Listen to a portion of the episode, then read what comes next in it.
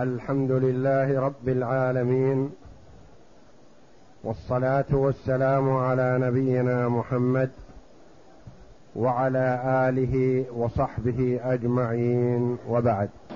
بسم الله بسم الله الرحمن الرحيم.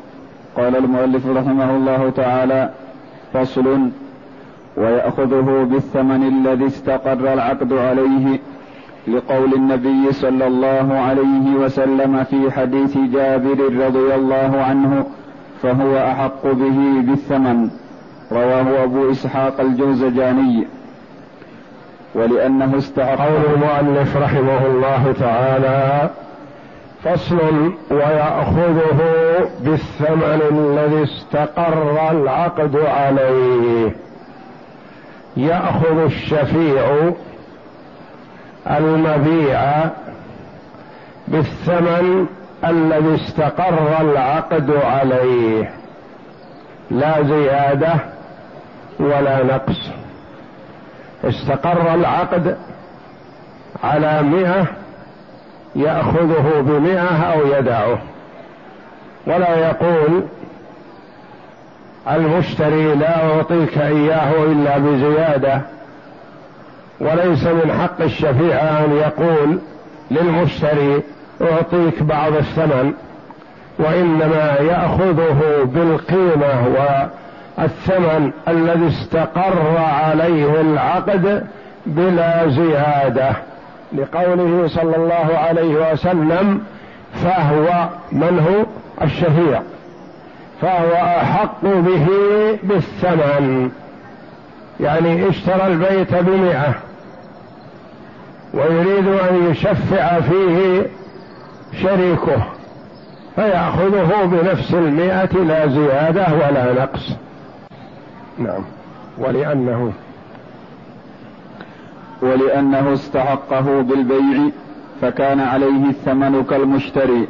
استحق الشفعة بالبيع والبيع حصل بهذا الثمن. فهو يدفع هذا الثمن الذي استقر عليه العقد ويأخذ الشقص. نعم. فإن كان الثمن مثليا كالأثمان والحبوب والأدهان وجب مثله.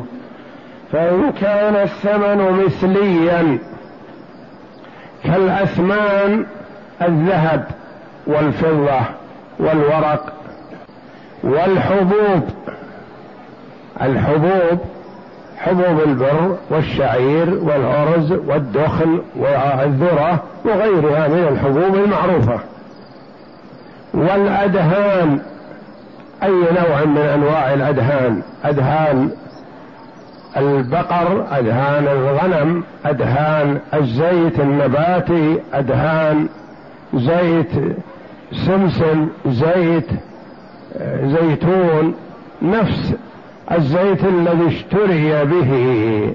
هذه المثليات يعني المشتري اشترى هذا الشخص بمئة صاع من البر ودفعها لصاحب الشخص.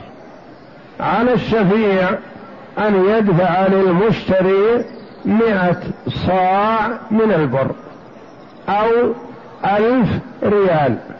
أو عشرين جنيه أو غيرها.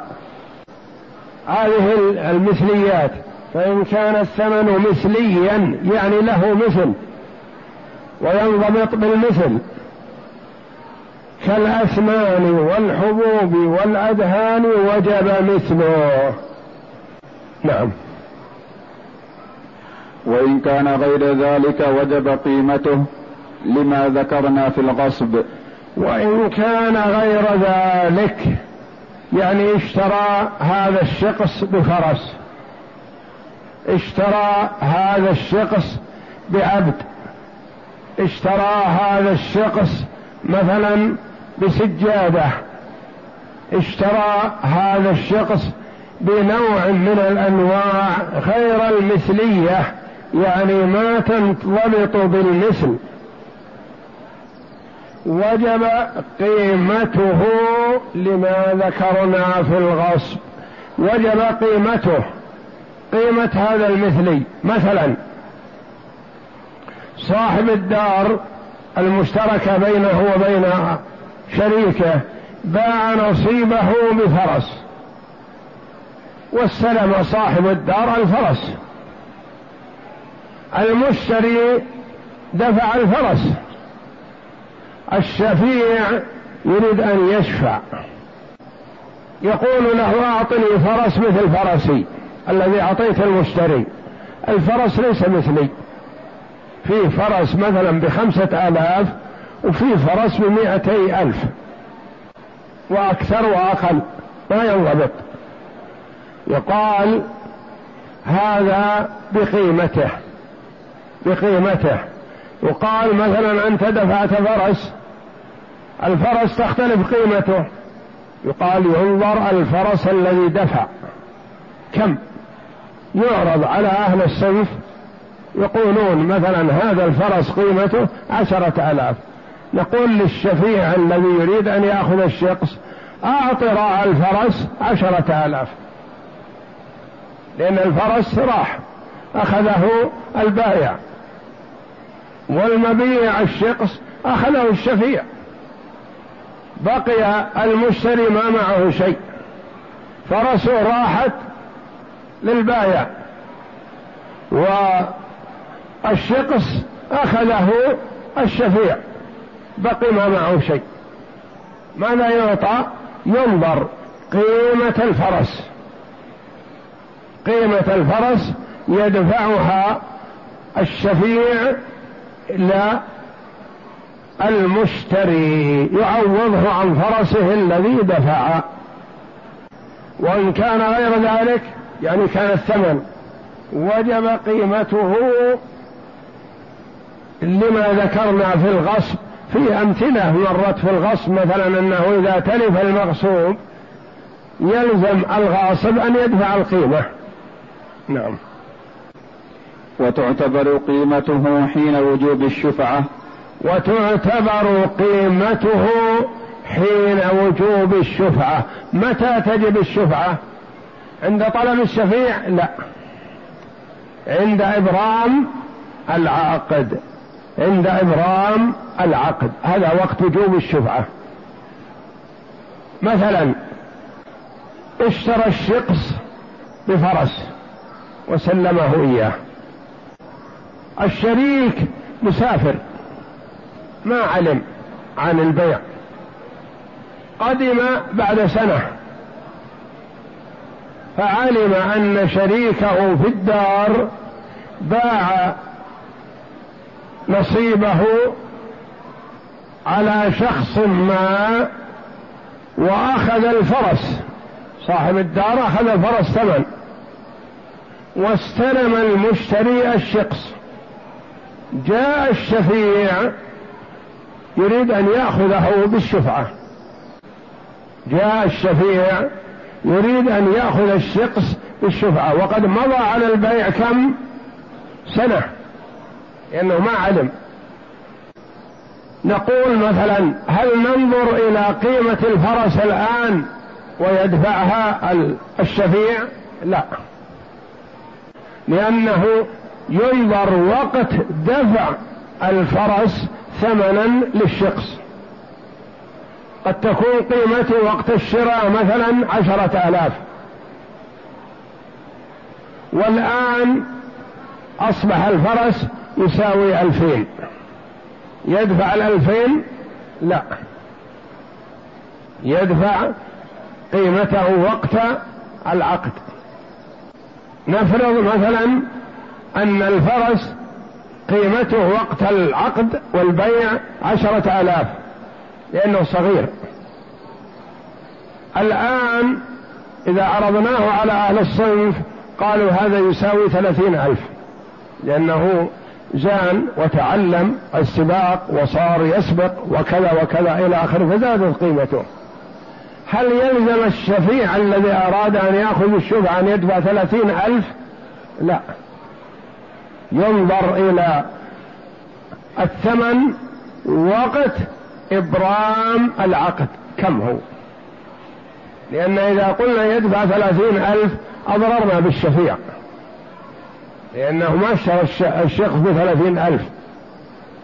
وإذا قلنا يدفع دون قيمة الفرس أضرمنا بالمشتري الذي سيؤخذ منه الشخص وإنما يؤخذ الشخص بقيمته يؤخذ بقيمة الثمن وقت إبرام العقد. وإن كان غير ذلك وإن كان غير ذلك وجب قيمته لما ذكرنا في الغصب وتعتبر قيمته حين وجوب الشفعة. انتبه حين وجوب الشفعة. ليس وقت طلبها وإنما وقت العقد. متى تجب الشفعة؟ وقت وجوب الشفعة متى؟ عند إبرام العقد. نعم. كما يأخذ بالثمن الذي وجب بالشفعة. كما يأخذ الثمن الذي وجب بالشفعة. يأخذ الثمن.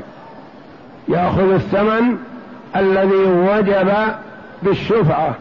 فهو يأخذ ويعطي حسب وقت البيع. نعم. فإن حط بعض الثمن عن المشتري أو زيد عليه في مدة الخيار لحق العقد. ويأخذه الشفيع بما استقر عليه العقد لأن فإن حط بعض الثمن عن المشتري أو زيد عليه في مدة الخيار لحق العقد. ويأخذه الشفيع بما استقر عليه العقد.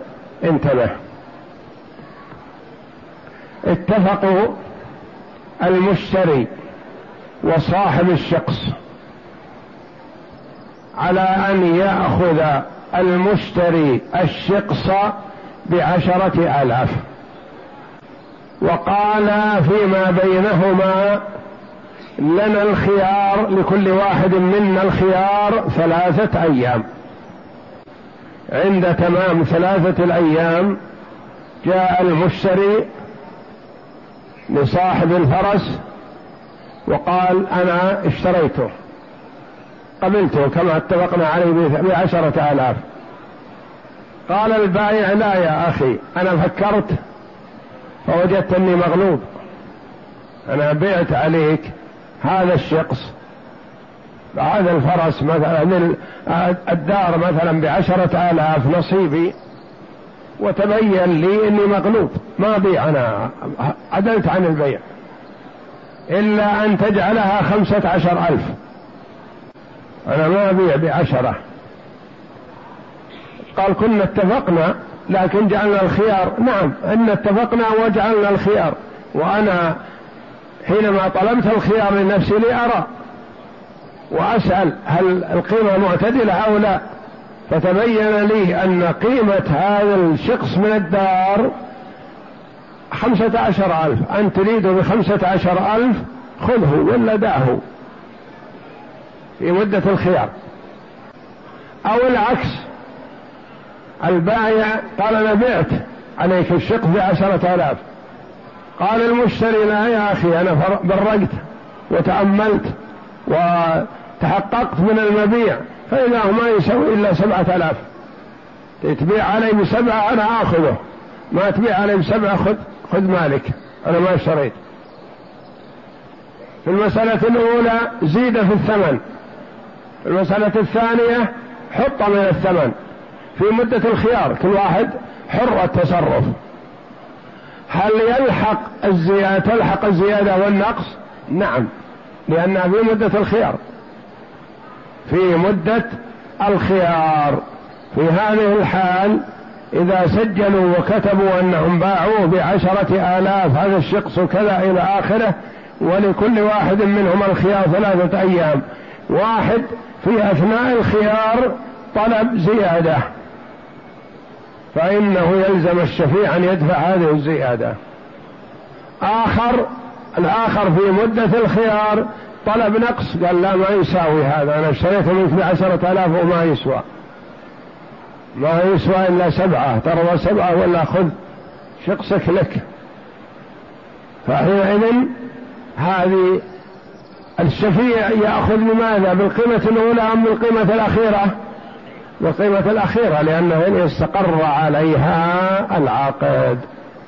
واضح هذه لأنه في وقت يملك كل واحد منهم أن يعدل عن البيع. من يرى أنه مغبون يعدل عن البيع.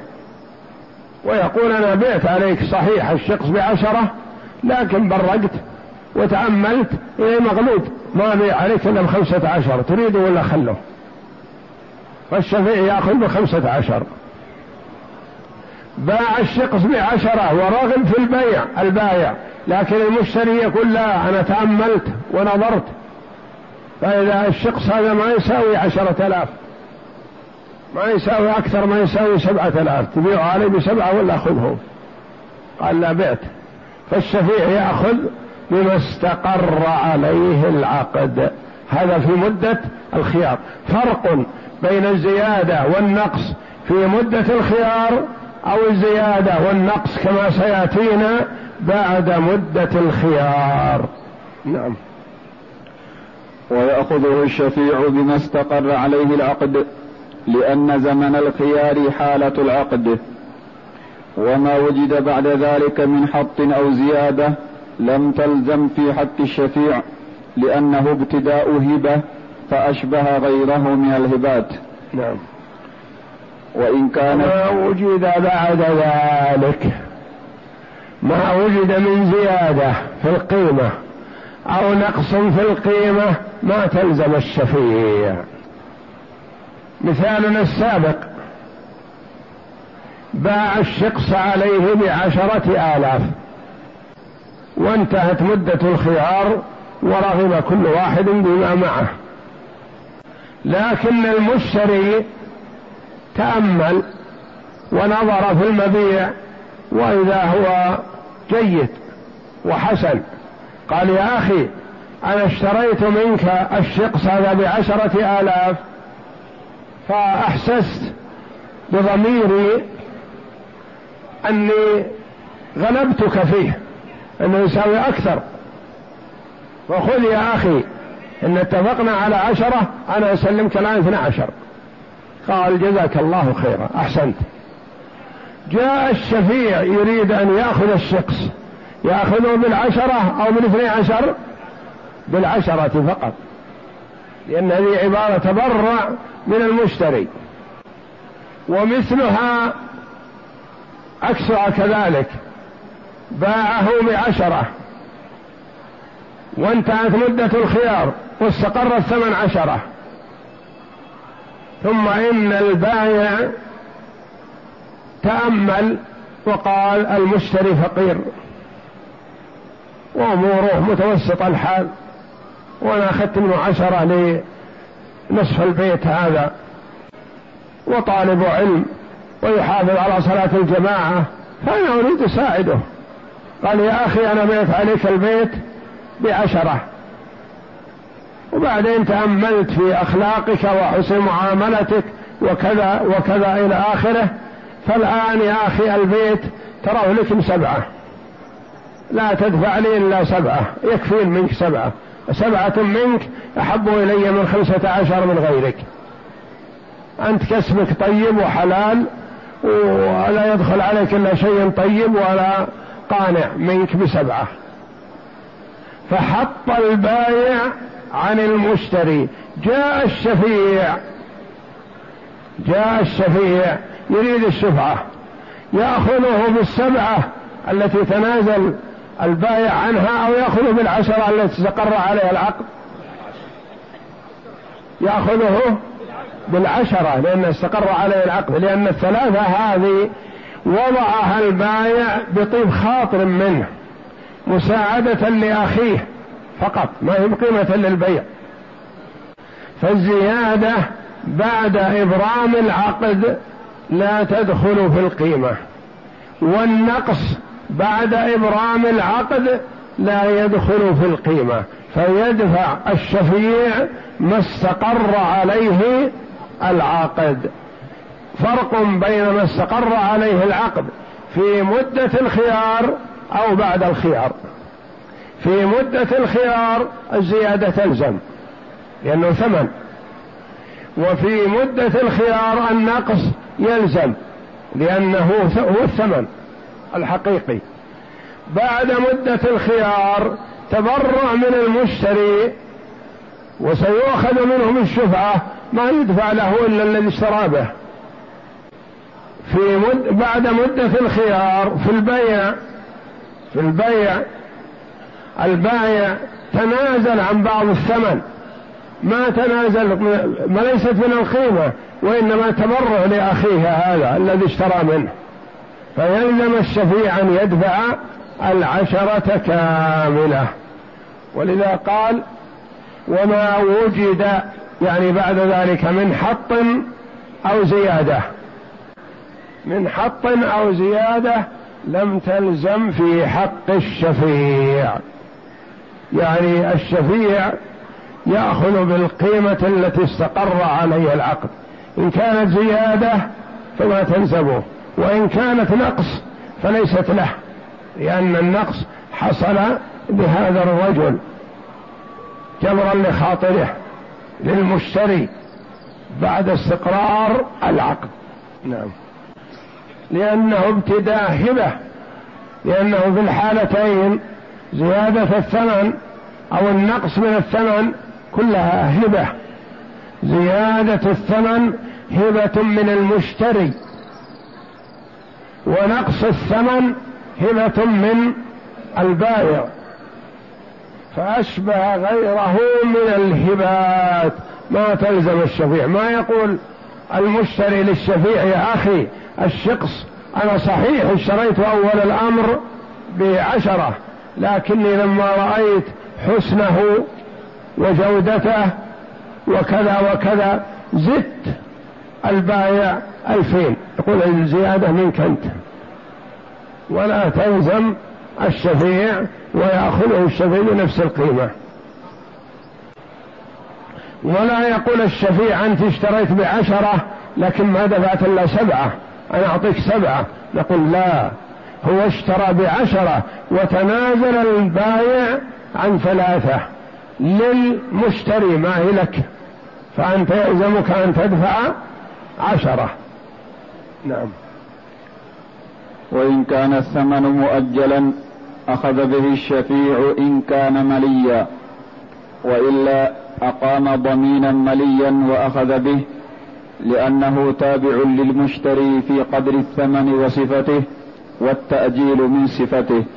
وإن كان الثمن مؤجلا. صاحب الشخص باع نصيبه من هذه الدار على زيد من الناس بعشرة آلاف على أن تدفع خمسة آلاف بعد ستة أشهر وخمسة آلاف بعد سنة. البيع بكم؟ بعشرة آلاف. على قسطين. قسط معجل ستة أشهر والقسط الثاني معجل لاثني عشر شهر. جاء الشفيع. جاء الشفيع وأخذه بنفس القيمة له حق التأجيل. ما يقول له المشتري ادفع لي الثمن. يقول لا يا أخي أنا مثلك. أنت اشتريت بثمن مؤجل أنا أشتري منك بثمن مؤجل. آخذه منك لا شراء. آخذه منك بنفس الثمن وبنفس الصفة. قال لا يا أخي أنا سأعطي الرجل ثمنه عند تمام المدة لكن أنت وين أجدك. وأنت بعد ستة أشهر تماطلني فإما أن تدفع نقد أو تترك الشفعة. قال لا يا أخي أنا ما أدفع نقد ولا أترك الشفعة. أنا لي حق جعل لي النبي صلى الله عليه وسلم حق الشفعة. وأنا داخل مدخالك مثلك بالضبط سواء بسواء. فينظر إن كان الشفيع ملي معروف يعني ذا مال ومرن. ويدفع عند الطلب فلا يحتاج إلى كفيل. عرف الشفيع الذي يريد أن يأخذ الشبهة أنه فقير أو مماطل أو أمير أو غيره من ممن هو غير ملي لأن غير الملاءة أنواع. لا تظن أن غير الملي هو الفقير فقط لا الفقير يعتبر غير ملي. والمماطل يعتبر غير ملي. والأمير والسلطان غير ملي. والأب والأم غير ملية وغير ملي لأنه ما يستطيع الإنسان يطالب أباه بدفع القيمة فهذا يعبر عنه العلماء الأنواع غير الملي. فإذا كان الذي يأخذ بالشفعة غير ملي فلا بد أن يحضر كفيل غارم. إذا تمت المدة يسلم وإلا يكون الخسارة على المشتري. المشتري يدفع الثمن وإذا طالب به الشفيع إذا هو مفلس ما عنده شيء ما يصلح. لابد أن يكون إما أن يكون هو نفسه ملي أو أنه يحضر كفيل ملي كفيل غارم أو كفيل إحضار. لأن يعني مسألة ليست مسألة إحضار وإنما هي مسألة دفع دفع مبلغ دفع كفيل والكفيل نوعان. كفيل غارم وكفيل إحضار. يأتي مثلا للمحكمة ويقول أنا أكفل فلان. تدفع عنه؟ قال لا ما أدفع. وإنما أحضره لكم إن شاء الله بوقت الطلب. أسبوع شهر شهرين حسب المدة اللي بينكم وبينه أنا أحضره. أستطيع غاره هذا كفيل وليس بغارم. كفيل محضر كفيل إحضار. كفيل غارم هو هذا الذي عندنا. يعني أنه يدفع وإلا تدفع أنت. وهذا هو الغالب في الكفالة. يعني الغالب في الكفالة أنه يراد بها الدفع لا يراد بها الإحضار. إلا إذا اشترط وقيل كفيل إحضار. ولذا قال المؤلف رحمه الله تعالى وإن كان الثمن مؤجلا أخذ الشفيع أخذ به الشفيع إن كان مليا وإلا أقام ضمينا مليا وأخذ به. يعني يؤجل عليه لكن بعد ما يحضر ملي. لأنه تابع للمشتري سواء بسواء. الشفيع يحل محل المشتري ومثل المشتري. على أي صفة كان العقد يكون له. نعم. لأنه تابع لأنه تابع للمشتري في قدر الثمن وصفته والتأجيل من صفته. والتأجيل من صفة الثمن. فرق بين عشرة آلاف مثلا تدفع في مجلس العقد أو عشرة آلاف تدفع خمسة بعد ستة أشهر وخمسة بعد ستة أشهر أخرى بعد سنة.